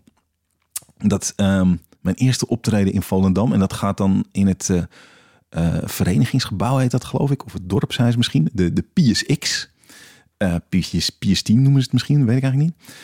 En die zaal die is gemaakt voor, voor, eigenlijk voor muziekoptredens. En sorry, mijn hoofd moet even begrijpen dat er in Volendam een gebouw is... wat vernoemd is een Rooms-Katholieke paus. Nou, ik. Volendam is katholiek, hè? Ja. Is dat katholiek? Ja, Volendam is katholiek. Ja, vol- volgens mij een soort katholieke enclave hier ooit. eh, Oh. Historisch maar altijd geweest. En ja, nu speelt dat natuurlijk niet echt meer. Maar Volendam is katholiek. Oh, ja. grappig. Nou, Ja. goed. Eh in P6. Ja, dus eh, wij kwamen daar voor het eerst. En nou, je geluid zetten. mwah, want ze spullen, Ja. daar zijn ze goed in. Dus ehm, En de zang moet goed klinken. Precies, ja, zeker. En ehm, alleen je zag dus heel duidelijk dat, dat die zaal was gemaakt op muziekoptredens. Want het podium, dat was manshoog als het ware. Dus dat als de hele zaal vol stond met mensen... dan konden die ook nog iedereen op het podium... vanaf zijn schoenen tot aan zijn kruin zien, zeg Ja. maar. Ehm, nou, daar waren voor mijn optreden natuurlijk stoelen neergezet. Dus die stonden heel laag, weet je. Ik stond echt neer te kijken in de zaal, zeg maar. En, En die moeten dan ook best ver van het podium af om nog een beetje een zichtlijn te hebben. Ja, die, die eerste rij was inderdaad, daar zat wel zeker twee meter tussen. Klopt, ja. Dat was een beetje een slotgracht. Ja. Ja. Dus dat was ook al dat ik dacht, oeh shit, dat gaat niet, eh, dat, dat helpt niet, niet voor lekker, de intimiteit. Nee. nee, dat hielp absoluut niet, nee. En eh, die kinderen kwamen bin- binnen en ik eh, begon. En ehm, heel komisch. Ehm, wat ik de hele tijd zag bij al die kinderen was dat ze zeg maar moesten lachen en dat als het ware de lach in hun opkwam, maar dat ze die dan ook meteen heel snel onderdrukten. Dus dat ging dan ongeveer zo van. En dan keken ze schichtig om zich heen of hun buren zagen dat ze eigenlijk moesten lachen, maar gelukkig hadden ze het dan niet gezien. Zal ik maar. Weet je, dat was de hele tijd het. Wat een rare vibe. Ja, was een hele rare vibe. Uh, maar goed, weet je, op een gegeven moment raakte ik daar ook aan gewend. Ik denk, oh, oké, weet je, blijkbaar veel gêne voor elkaar of zo. Ik kon niet helemaal plaatsen, maar ik zag dat ze eigenlijk best genoten. Weet je, dat voel je dan op Ja. een gegeven moment ook. Dus ik denk, nou, ook, ook goed. Maar het komische was, na afloop komt mijn, uh, uh, mijn technicus op me af. En die zat helemaal achter in de zaal. En die kwam in een soort medeleven op me af. En die kijkt me aan. En die geeft me een knuffel.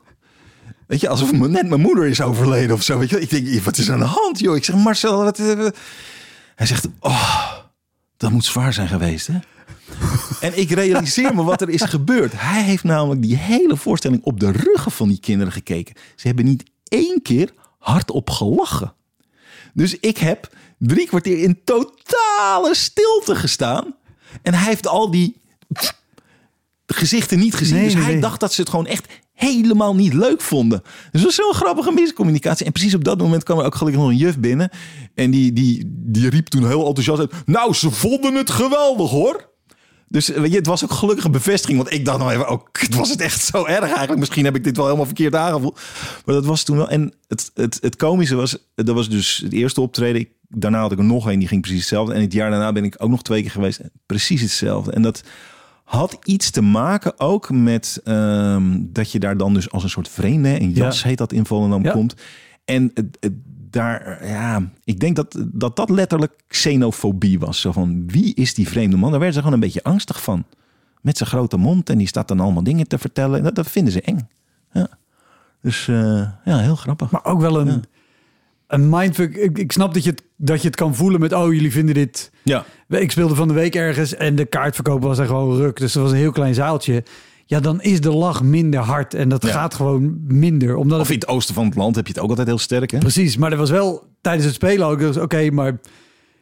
Er is niemand die het saai vindt of niet leuk vindt. Nee, Alleen, ja. ja. er zit gewoon minder volume in. Ja, ja, precies. Ja. Maar inderdaad, als je dan achterin als Ja. technicus dat Ja. niet ziet... nee, dat vond ik en zo niet grappig. voelt... Ja, oh. Ja, dus hij, heeft, hij had zich echt op zitten vreten. Kromme tenen. Hij denkt, oh, Maarten gaat dood. Maar dat, dat viel dus gelukkig erg mee. Even kijken, wat is er nog te, te denken? Eh, oh ja, dit was fucking heftig, jongen. Jezus. Ja, in, in, ergens in, in Drenthe. Wil je horen hoe dit verhaal verder gaat? Word dan crewmember en luister naar de bonusaflevering. Op elektrapodcast.nl vind je precies hoe dat in zijn werk gaat. Dat was hem, de Elektra Podcast. Meer informatie over mijn gast van vandaag en linkjes naar van alles en nog wat vind je in de omschrijving van deze aflevering. Er staan ongelooflijk veel afleveringen online van Elektra. En op elektrapodcast.nl kan je makkelijk zoeken op de naam van jouw favoriete comedians en cabaretiers. Je kan daar ook eenmalig doneren of crewmember worden. Als crewmember betaal je maandelijks een klein bedrag, maar dan krijg je ook nog eens bonusmateriaal. Je luistert voortaan zonder onderbrekingen en je krijgt consumptiebonnen die je kan inleveren bij een show van mij. Ik vind het sowieso te gek als je een keer komt kijken bij mij. Dus ga naar woutermonde.nl, daar zie je precies waar en wanneer ik optreed. Of meld je aan voor de nieuwsbrief, dan hou ik je op die manier op de hoogte. En dan nog iets, elke vrijdagmorgen doe ik een column op radiostation Kink. Je kan die column terugluisteren als podcast. Hij heet Kink op de Week en je vindt hem in de app waar je ook deze podcast luistert. Oké, tot de volgende Elektra. Hoi!